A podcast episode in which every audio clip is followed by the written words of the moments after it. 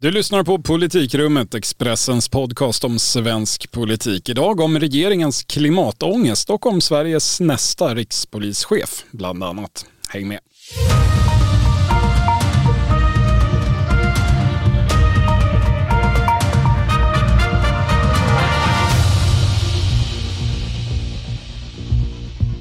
Det är tisdag den 13 december, dags för årets näst sista sammanträde här i politikrummet. Eh, tjänstgörande stjärngossar, det är som vanligt jag, Viktor Bartkron och du, Thomas Nordenskjöld. Hej! Hallå! Har du haft en stämningsfull morgon? Jo, men det tycker jag. Utkämpade ju för sig en mindre lyckosam kamp med minsta sonen. Jag försökte få på honom en, någon form av Lucia-utstyrsel, men det var fint ändå. Ja, vad bra. Det har ju varit lite eh sämre stämning på vissa håll i landet. Läste just om någon sverigedemokrat som hade stoppat ett Lucia-tåg, men det var i Hälsingland på behörigt avstånd från vår studio. Varför då? Ja, det var tydligen en hen som skulle vara Lucia. Mm -hmm. Det var eh, naturligtvis otänkbart i detta nya Tidövarv. Men stämningsfullt, om än på sitt eget lilla sätt, var det ju i söndags annars. Eh, I söndags kväll, då höll ju Sveriges Television sin och årets sista partiledardebatt. Du fick för en gångs skull följa den i lugn och ro framför tvn, Thomas. Vad tog du med dig? Ja, men det var ju faktiskt en rätt rolig debatt tycker jag. Jag har sett att en del andra har klagat på det höga tonläget, men alltså hellre det tycker jag än SVTs slutdebatt inför valet och då fick jag anstränga mig för att hålla mig vaken. Alltså, det behövde jag inte den här jag gången. Säga, det var väl kanske inte SVTs fel så mycket som att partiledarna var utledda De var på både valrörelsen och varandra ja, och vi alla, det laget. Jag, jag har minne av att jag satt där och halvslumrade i soffan. Mm. Det gjorde jag inte den här gången. Alltså, det är ju intressant tycker jag att se alla i sina nya roller. Alltså, man kan väl liksom konstatera tycker jag också att Magdalena Andersson efter en stunds tvekan nu efter valet tycks älska den här nya oppositionsrollen och går till full attack hela tiden tiden eh, läxar upp Kristersson för att han inte förstått sig på eh, vad som förväntas av honom som statsminister och så vidare. 250 falukorvar ja. ja, nej, det var många attacker från Andersson och hon kalibrerade sin ilska på, tycker jag, på ett ganska effektivt sätt. Eh, det är lätt att sånt där blir överspelat men hon höll sig på rätt sida. Mm. Eh, det har ju kommit en hel del surmagade kommentarer på temat att eh, de lät som att det fortfarande var valrörelse och det är det minsann inte. Och absolut, det var ju så. Men det är, vill jag mena, inte så konstigt alltså valrörelsen var ju lite speciell i år i det att det fanns ett tydligt regeringsalternativ med ett hyfsat tydligt politiskt program. Och sen handlade valdebatten väldigt mycket om ifall man var för eller emot det alternativet och de som var emot var det på lite olika sätt. Ganska normal valrörelse men det konstiga var ju att det här regeringsalternativet eh, var oppositionen medan den, den faktiska regeringen och den sidan var ytterst vag i konturerna. Nu är rollerna de samma men det som eh, verkade som regeringen då är nu regeringen och, det som verkade som oppositionen är nu oppositionen. Så det var snarare valrörelsen som var konstig. Det vi ser nu är en normalitet.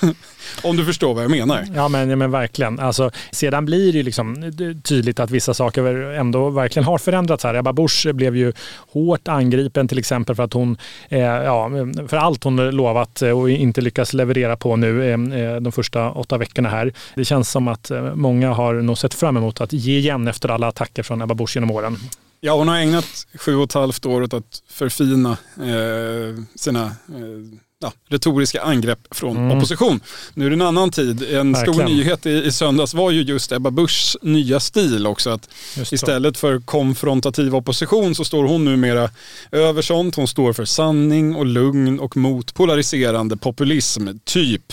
Mm. Det där gav ju en del, eh, inte helt hjärtliga skratt från, från den andra sidan och, och, och det kan man kanske förstå om inte annat på ett rent mänskligt plan. Ja, men det var en del sånt skrattande. Man hörde Magdalena Andersson och Annie Lööf skrattade i kör. En annan nyhet var ju att Johan Persson slutat skoja. Alltså han har ju tagit på sig glasögon och blivit seriös nu som minister. Mm, han lyckades faktiskt hålla sig eh, i stort sett hela debatten, i alla fall i söndags. Eh, den som kändes mest bekväm på regeringssidan tyckte jag annars var Jimmy Åkesson. Han har ju överlag varit oväntat bekväm i rollen som kompromissande pragmatiker som eh, ja, han har sömlöst glidit över från sin eh, hårda ensamma opposition till en traditionell gråsosseroll. Ja, eller hur. Alltså, det där är intressant tycker jag. Eh, eh, han liksom, och det faktum att han liksom, eh, valde att inte fälla den här typen av kommentarer som han alltid har gjort. Eh, när migrationen har kommit upp, det var ett av ämnena här då i söndag, så eh, liksom det här med att alla andra partier, inklusive Moderaterna och inte minst Fredrik Reinfeldt, är liksom roten till allt ont. Alltså, nu stod de ju fyra, alltså de fyra Tidöpartierna där sida vid sida och höll med varandra i migrationsfrågan. Alltså det är ju faktiskt en enorm scenförändring, eh, måste man ändå påminnas om. Eh, och att även då Socialdemokraterna väljer att backa upp politiken är ju också intressant. Alltså, det innebär ju faktiskt i praktiken att eh, ja, typ 80 procent, eller vad är det, av riksdagen accepterar den här eh, SDs framförhandlande migrationspolitik. Ja, eh, vilket Johan Persson passade på att framhålla i sin särskilda debatt eh, om migrationen mot Annie Lööf. Det var ja, ett ganska de... effektivt sätt att, att, att ta död är... på den frågan. Och kanske effektivt även internt i Liberalerna. Verkligen. Det spelar ingen roll vad vi tycker. Nej, men det är tydligt 80%. att de är nöjda med det där faktiskt, eh, att eh, S backar upp det där. Ja, eh, något som däremot var sig rätt likt jämfört med valdebatterna tycker jag var väl att Vänsterpartiet hamnade lite, ska vi säga nu när det är fotbolls-VM, offside. Ja, jag brukar passa mig för sportanekdoter men jag tror jag fattar vad du menar. Alltså, ja, men alltså Nooshi Dadgostar hon framstår ju ofta tycker jag som lätt blasé i de här debatterna. Eh, som om hon tycker att alla är idioter typ. Eh, och hon har ju Genomgående i hennes offentliga gärning. det är någonting med det där leendet hon ofta har. Men, alltså, men, men också, liksom, hon har ofta egna takes på frågor i debatter. Hon hade det även nu och det liksom tenderar ibland att bli lite apart. Ja, det är en balansgång det där. Alltså, ibland känns det som att Nooshi Dadgostars pulpet är dit som heta och intressanta ordväxlingar går för att dö. Och då blir det kanske inte helt rätt balanserat, även om det såklart är bra att ha något eget att säga. Men något ska vi kanske också säga om debattens tilltänkta i alla fall, huvudperson, alltså nya statsministern Ulf Kristersson, Moderaterna, om ni minns honom. eh, vår ledarsida tyckte ju att han hade varit lite osynlig här eh, under de första åtta veckorna. Mm. Kristerssons insats bestod ju i alla fall mest i att påminna om att hans sida faktiskt vann valet och framförallt att den andra sidan förlorade valet. Jag vet inte hur många gånger han betonade detta i mm. debatten. Ehm, men en annan minnesvärd sak som han sa det var när han upplyste Magdalena Andersson om att man minsann inte kan lägga ut statliga kärnuppgifter på entreprenad och hoppas att det löser sig. Just det, elproduktionen var det va? Ja, eller, eller eh, inte vård, ja. skola eller omsorg eller något annat som man kan tänka sig att politiker skulle lägga ut på entreprenad och hoppas att det löser sig. Förvånad att Socialdemokraterna missade den uppenbara eh, comebacken där. Men men, det kommer fler debatter innan nästa val. Eh, ja, det gör ju det. Men alltså, annars blev det ju tydligt tycker jag den här debatten hur splittrad oppositionen är. Alltså Annie Lööf var ju liksom starkt kritisk mot regeringens migrationspolitik medan Magdalena Andersson, hennes statsministerkandidat, eh, samtidigt då vill göra en stor poäng av att det minsann var den S-ledda regeringen som, som i verkligheten stramade åt och genomförde det här eh, paradigmskiftet som nu alla vill ta åt sig äran för. Men sen blev det ju liksom värre får man säga tycker jag för det här Tidögänget när det styrde över till klimatet, klimatfrågan. Ja, det blev ju det igen.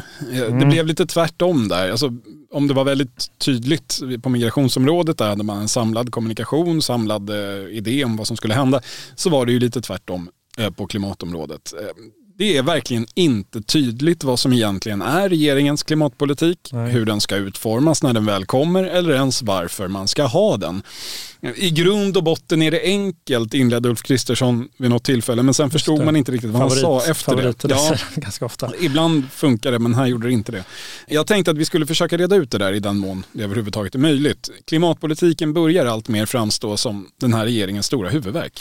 Ja, alltså det blev ju väldigt tyst från Tidöpartierna när frågan om hur den här klimatpolitiska handlingsplanen ska tas fram, som regeringen nu arbetar med, och om SD, Sverigedemokraterna, då ska få vara med och, eh, och, och påverka eller eller inte. Alltså med tanke på eh, att det här ändå eh, eh, allt mer nu framstår som den mest svårhanterliga konflikten i Tidösamarbetet så hade de kanske kunnat förutse att den frågan skulle komma upp. Jo, eh, och det här handlar då om att regeringen ska ta fram en ny handlingsplan för klimatet. Det ska ske under nästa år och den ska peka ut hur eh, Sverige ska nå klimatmålen. Då. Ansvarig minister Romina Pourmokhtari, Liberalerna, hon eh, har gjort klart att Sverigedemokraterna inte är mer inbjudna än någon annan att delta i det arbetet. Det är regeringens sak. Men Jimmy Åkesson eh, sa ju i din intervju förra veckan Thomas att det var helt uteslutet att Sverigedemokraterna skulle stängas ute. Ja, alltså här finns det ju lite, mm, eller mm, kanske inte lite, utan väldigt delade meningar ska man säga om huruvida liksom klimatfrågan ska sorteras in under Tidösamarbetet eller inte. Alltså det här omtalade sorterandet som regeringen lägger en så stor del av sin vakna tid på har ju här lite kört fast faktiskt eftersom då Sverigedemokraterna och regeringen vill sortera in klimatfrågan på olika sätt. Och, vi, och som vi konstaterade här om veckan här i podden så, så är det ju svårt att se hur man egentligen ska sortera ut någonting när eh, man har ett budgetsamarbete. Mm. Eh, ja. Och eh, utöver det, det, som står i tidavtalet, Precis, nej, det, det blir man... inte jättemycket svängrum kvar. Nej men det är väl just det, alltså klimatfrågan är ju inte lika specificerad som en del annat eh, påtalar ju då Liberalerna, men Jim Åkesson har ju en ganska god poäng i att dels är klimatfrågan en del av en av punkterna i det här, att tillsammans med energi då i tidavtalet och dessutom tenderar saker att vara budgetpåverkande. Ja, så är det ju. Nej, men, eh, sen är det ju tydligt tycker jag att Sverigedemokraterna också här aktivt söker en konflikt. Alltså eh, att man liksom nu blickar blickar på tiden bortom migration och lag och ordning som dominerande frågor i, i samhällsdebatten. Där då liksom, I de frågorna har de borgerliga och Socialdemokraterna triangulerat så mycket att liksom konflikten inte längre finns kvar på samma sätt. Och då lyfter man nu allt mer klimatfrågan. Och eh, här då eh, har det liksom blottats en politisk konflikt mellan Sverigedemokraterna och regeringen som man har uppenbart svårt att hantera. ja, det, det är ju det där, Sverigedemokraterna och i regeringen. Alltså att det finns en spänning mellan Sverigedemokraterna och Liberalerna i den här frågan liksom det gör på andra områden. Alltså det är ju känt och det är naturligtvis relevant. Men en sak som har kommit bort lite som jag undrar lite över det är hur tankarna går i Moderaterna. Mm. Som ju faktiskt också sitter i regeringen även om man ibland glömmer det. Visst, de har inte just den specifika portföljen men de är det regeringsbildande partiet, de har stats och finansminister och de har ju framförallt lyft och betonat den här frågan tidigare. Mm. Men efter valet, efter regeringsskiftet så är väl det som egentligen har fastnat från Moderaternas sida var ju när finansminister Svantesson eh, lät eh, meddela att eh, når vi inte klimatmålen så gör vi inte det. Eller någonting i den stilen i en intervju i Svenska Dagbladet. Ja, Stort rabalder följde. Ja, faktiskt. Alltså den där intervjun och det uttalandet finns det faktiskt anledning att stanna upp i tycker jag. Alltså det var ju Erik Nilsson på Svenska Dagbladet som politikreporter där som gjorde den och eh, har jag hört när han medverkade i något radioprogram så förklarade han, då fick han fråga om det där och då förklarade han att han, det där inte bara var något som hon råkade säga för han insåg ju då eh, att det där var ganska spektakulärt och ställde om frågan och hon valde att upprepa den. Eh, så det, det liksom är ju svårt att tolka på annat sätt som att hon och regeringen, att det inte liksom spelar någon större roll för dem om man lever upp till klimatmålen, i alla fall utifrån det där uttalandet. Men det där då eh, hon sa har väckt, enligt mina källor i regeringskansliet och i de här Tidöpartierna, då inte Sverigedemokraterna men har det väckt väldigt starka liksom, reaktioner faktiskt. Alltså såklart inom Liberalerna, men även i Moderaterna, vilket är lite intressant. Det var lite det jag for efter, för Moderaterna har ju gjort ett stort nummer av att vara en grön höger som eh, Ulf Kristersson eh, har velat formulera det tidigare. Man var väldigt nöjda när man i någon mätning häromåret eh, plötsligt var det parti som hade högst förtroende i klimatpolitiken av alla. Det, det gick man ut och marknadsförde stort och det kändes som att Svantessons uttalande och den allmänna Eh, tystnaden i den här frågan skaver lite mot det där. Ja, men det är liksom, uttalandet ansågs nonchalant. Alltså, det, det bidrog på ett väldigt liksom, olyckligt sätt, menar flera jag pratat med, att liksom, sätta bilden av den här regeringen att, liksom, som att den inte bryr sig om klimatet. Eh, och det var som en jag pratade med liksom, sa att det, eh, från regeringshåll att det, liksom, det var inte hennes uppgift att förklara att vi inte kommer nå klimatmålen, vilket alla i regeringskansliet egentligen vet, men att man inte kommer göra. Men det, liksom, det skulle inte sägas på det sättet. Till och med Kristdemokraterna ansåg att det var ett dåligt uttalande bara Sverigedemokraterna är nöjda. Alltså, Jim Åkesson har ju flera gånger efter det där lyft det där uttalandet och eh, sagt att det är helt i linje med Sverigedemokraternas hållning. Hej, Synoptik här. Visste du att solens UV-strålar kan vara skadliga och åldra dina ögon i förtid? Kom in till oss så hjälper vi dig att hitta rätt solglasögon som skyddar dina ögon. Välkommen till Synoptik. CSRD, ännu en förkortning som väcker känslor hos företagare. Men lugn, våra rådgivare här på PWC har koll på det som din verksamhet berörs av. Från hållbarhetslösningar och nya regelverk till affärsutveckling och ansvarsfulla AI-strategier. Välkommen till PWC. Ja, deras eh linje är ju att de inte ser det som överordnat eller särskilt prioriterat att Sverige når klimatmålen, synnerhet inte för 2030. Mm. Där bland annat stipuleras att utsläppen från svenska transporter ska ner med 70 procent. Här drar ju regeringens politik onekligen åt ett annat håll just nu och det finns ju anledning tycker jag att stanna upp i det där du just sa Thomas. Att finansministern blev alltså uppläxad för att hon sa det som alla vet men inte får säga är ju lite spektakulärt även det. Ja, alltså exakt hur hela det där gick till vet jag faktiskt inte. Men, men Liberalerna säger att de reagerade väldigt starkt på Elisabeth Svantessons uttalande, men att de inte sen behövde agera för Moderaterna själva tog hand om det. Eh, Ulf Kristersson fick ju sen faktiskt i den här då debatten i söndags, agendadebatten, fick han ju själv en fråga om det där uttalandet och valde då eh, på ett något uppseendeväckande sätt kanske att, att inte backa upp det. Eh, och det är ju intressant, eh, tycker jag, att även moderater jag pratar med anser att den här liksom bilden som har satt sig, delvis till följd av Svantessons uttalande, men mer generellt av klimatpolitiken, är bekymmersam. Alltså, bekymmersam. Alltså att det här med att liksom fossilhögen tagit över och att det bara är bensin och diesel som gäller. Typ. Det riskerar ju förstås att bli lite så om man poserar på bensinstationer i valrörelsen och har en bensinskattesänkning som största post i budgeten, kan man tänka. Just det, det som eh, gav oss 14 öre billigare bensin eller hur det var. Men eh, alltså, eh, vissa moderater jag pratar med förklarar faktiskt också det här opinionsraset för högersidan som ändå eh, vi har sett här med liksom just klimatfrågan. Att klimatfrågan nu driver väljare vänsterut och att Moderaterna som eh, liksom redan ha, eh, liksom har bekymmer med liksom en kraftigt vikande stöd i Stockholm. Liksom, man kan ju tänka sig att det här, liksom, den här fossilhögerstämpeln inte är särskilt lyckad av, av den anledningen stämningen. Man, eh, liksom, eh, det var ju lite så inför valet att man, liksom, alla var överens om att man skulle vara liksom, hårda och rätt mörkblå i migration och lag och ordning. Men det liksom, sammantagna intrycket eh, skulle vara ändå mera ljusblått tack vare bland annat liksom, engagemanget för klimatet. Det var en tanke och, och, och och det är ju en sak att oroa sig då för bilden eh, av regeringen. Men bilden i politiken för den här regeringen och andra, den, den kommer ju i regel ändå någonstans ur faktiska omständigheter tänker jag. Så, mm vad är det då som alla dessa ljusblå stockholmare i Moderaterna eller vad de nu är, eh, vad är det de vill göra och som den eh, ondskefulla fossilhögen envisas med att stoppa? Jag blir inte riktigt klok på det. Det känns som en springande punkt där. Vad, vad, är, vad, vad är det då de kritiska rösterna i Moderaterna vill ha? Ja, men det där är liksom en bra fråga och inte helt lätt att svara på tycker jag. Alltså, kanske att Ulf Kristerssons nyrekryterade statssekreterare PM Nilsson eh, är tänkt att komma med, med det svaret. Han är ju eh, liksom verkligen en representant eh, för en slags grön höger. Han var det som ledarskribent.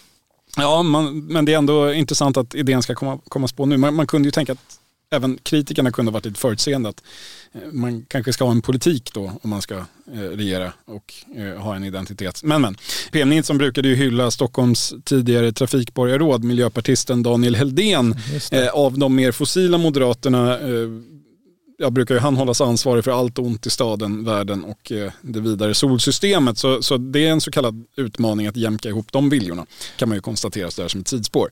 Ja, eh, verkligen. Alltså från Moderaterna får, får jag annars liksom intrycket av att man eh, är mer besvärad av liksom kommunikationen kopplat till detta snarare än liksom politiken i sak.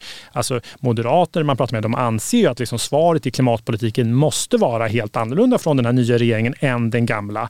Att lösningen i mångt och mycket är liksom är mer kärnkraft. Och från liksom Liberalerna och Miljödepartementet eh, jobbar man ju nu med den här då klimathandlingsplanen som vi, som vi nämnde, som ju då ska peka ut hur klimatmålen ska nås. Men, men vad det ska liksom fyllas med eh, får inte jag någon entydig bild av. Liksom, det lilla jag snappar upp är, liksom, eh, är att det handlar mycket om hur man ska stötta näringslivet att ställa om. Mm -hmm. Ja, och detta regeringens kanske enskilt svåraste jobb det landar då i knät på Romina Pourmokhtari, klimatminister, Liberalerna. Fram till nyss ordförande för en organisation där ett par tusen ungdomar bråkar om vem som har läst flest böcker om och av döda liberala tänkare.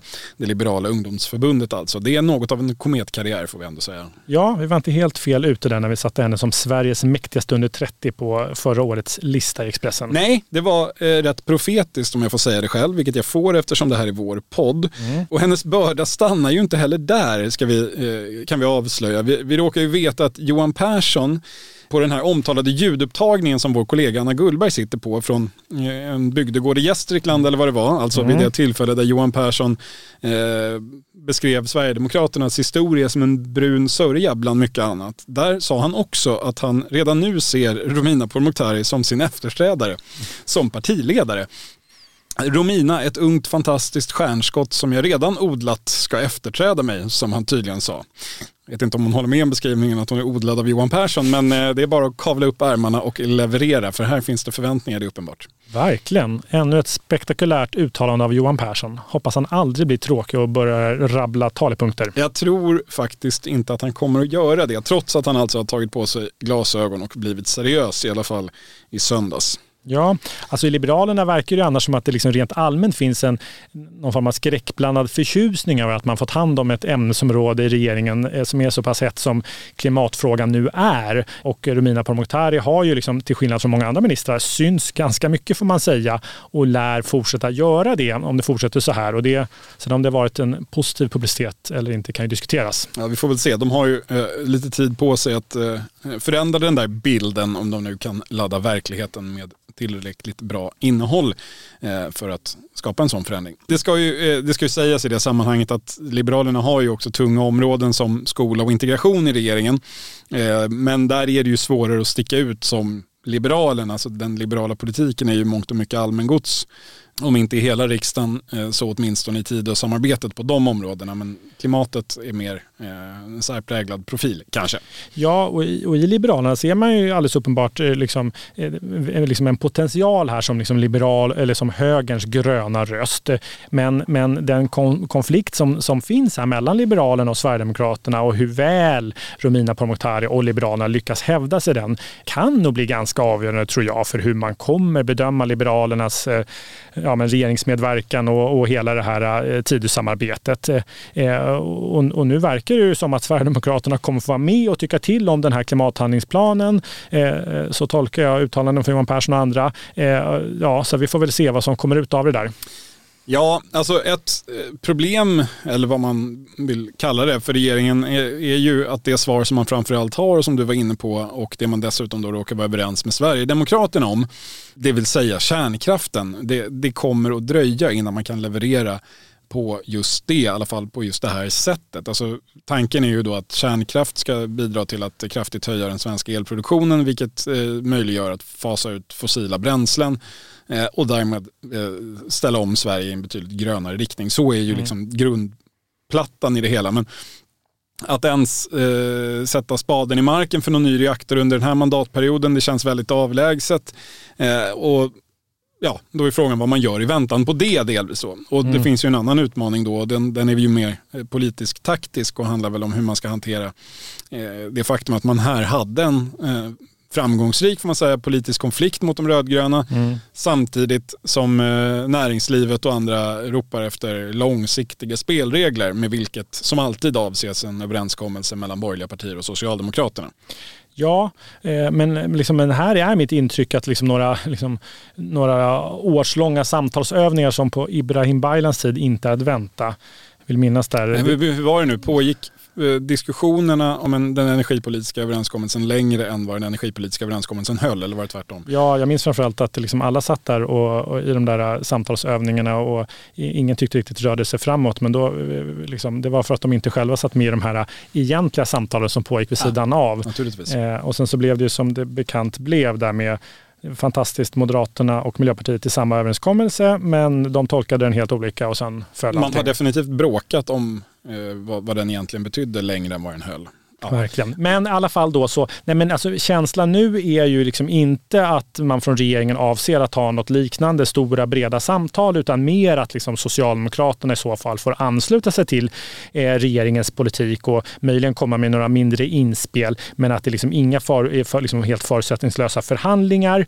Så, men det blir ju intressant tycker jag att se hur regeringen hanterar det här. Eh, om man bjuder in Socialdemokraterna, kanske Centerpartiet och eh, om man är kompromissvilliga. Eh, Mm. Sen är det ju så också att Socialdemokraterna, tycker man ska dra sig till minnes här, deras, deras liksom, de verkställde ju sin omsvängning i kärnkraftsfrågan som ju kanske har skett lite successivt. Vissa har anammat den snabbare än andra, men liksom, den skedde ju, liksom, verkställdes ju någonstans under brinnande valrörelse. Det var ju rätt, rätt spektakulärt. Alltså man hörde ju till och med av sig till olika medier under valrörelsen och bad dem att ändra i de här partitesterna som alla medier har när man ska du vet, ta reda på hur man ska rösta. Eh, och så, för där liksom, eh, i de framgick ju först att Socialdemokraterna Sverigedemokraterna var negativa, inte var positivt inställda till ny kärnkraft. Men då hörde man av sig och vissa medier gick med på att man skulle ändra, andra inte. Så lite beroende på vilket test man gjorde så fick man ju helt olika svar på Socialdemokraternas liksom, syn på kärnkraft.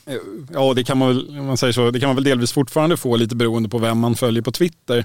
Eller så. Alltså förra klimatministern Annika Strandhäll, hon verkar ju fortfarande vara präglad av att hon såg eh, Tjernobyl på HBO och uppfattade den som en serie om eh, generell reaktorsäkerhet och inte om eh, det sovjetiska systemet systemets brister. Ja, det blir spännande att se hur allt detta slutar. Även där.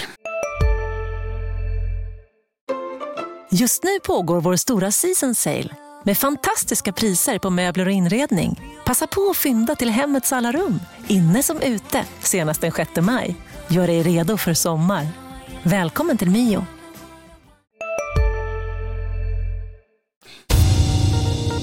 Ja, det är svårt att göra en politisk eh, podd just den här veckan utan att beröra den kris i polisen som har uppstått och det är inte minst efter vår kollega Mikael Syrens många avslöjanden om handel och vandel runt eh, toppchefen Mats Löving.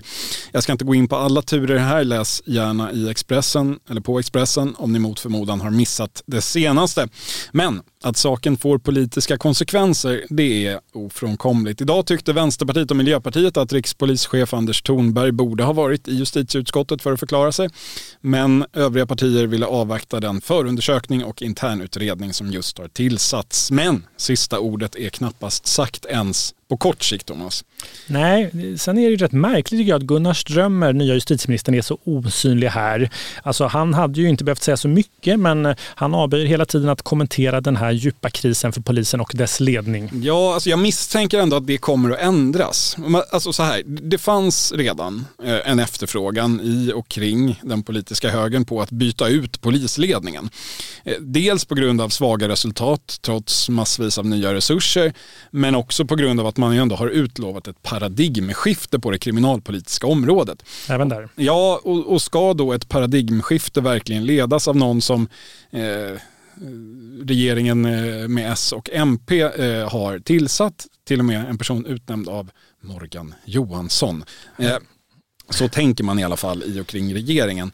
Eh, I alla fall kring. Eh, jag skulle, eh, för att eh, ändå komma till sak, bli väldigt förvånad om det här inte slutar med att man tar chansen att plocka den lågt hängande frukt som det ändå är. Att signalera en ny start för brottsbekämpningen i Sverige genom att göra det som en regering på kort sikt, riktigt kort sikt faktiskt kan göra.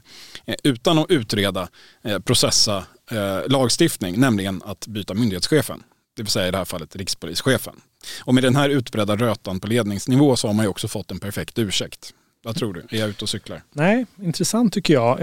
Eh, och alltså, som en del av det här allmänna sorterandet i regeringskansliet som jag älskar att prata om har man ju liksom suttit och sorterat myndigheter också då. Vilka myndigheter som sorterar in under Tidöparaplyet och vilka som, som inte gör det. Och Polismyndigheten är ju såklart en del av, av eh, liksom, eh, Tidösamarbetet och en, därmed då en myndighet som Sverigedemokraterna eh, ska vara med och styra. Och eh, alltså SD har ju, har man ju ventilerat vid ganska många tillfällen, drömt eh, kanske kanske är starkt, men ändå liksom ventilerat intresse för att sparka eh, och byta ut en del myndighetschefer. Ja, när Dan Eliasson var rikspolischef, då drömde man definitivt då, då drömde man om det. Så, så, mycket kan man säga. Så mycket kan vi säga. Och, eh, liksom, ja, men då är det klart att, liksom, eh, att rikspolischefen vore ju lite av en trofé för partiet såklart. Och det, alltså, det hade ju onekligen varit intressant att följa förhandlingarna om Sverigedemokraterna skulle få vara med nu här och påverka tillsättandet av en ny rikspolischef. Jo, man kan ju eh, misstänka att Björn Söder anmäler intresse men att det blir någon annan. Eller så.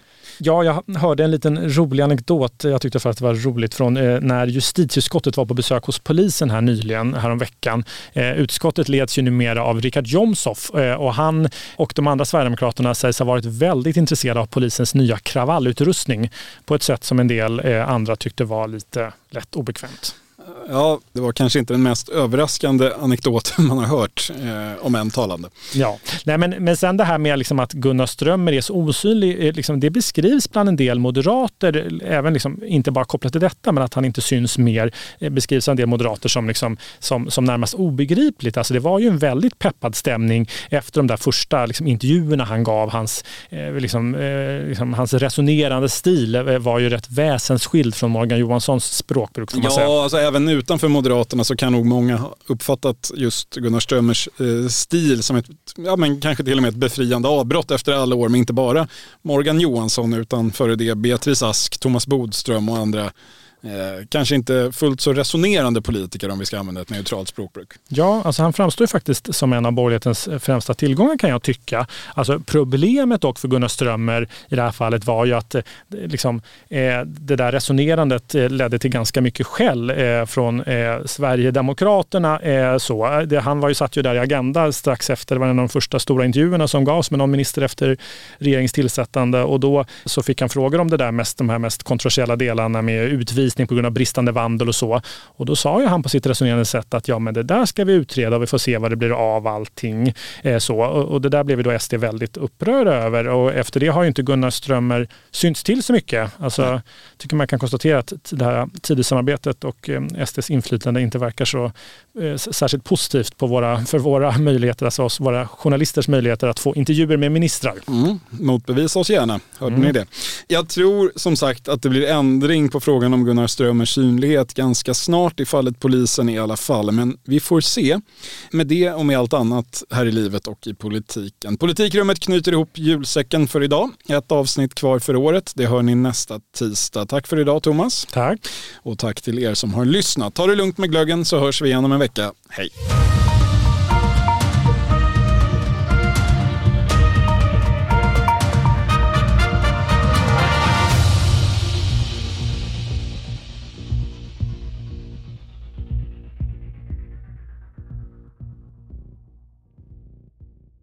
Du har lyssnat på en podcast från Expressen.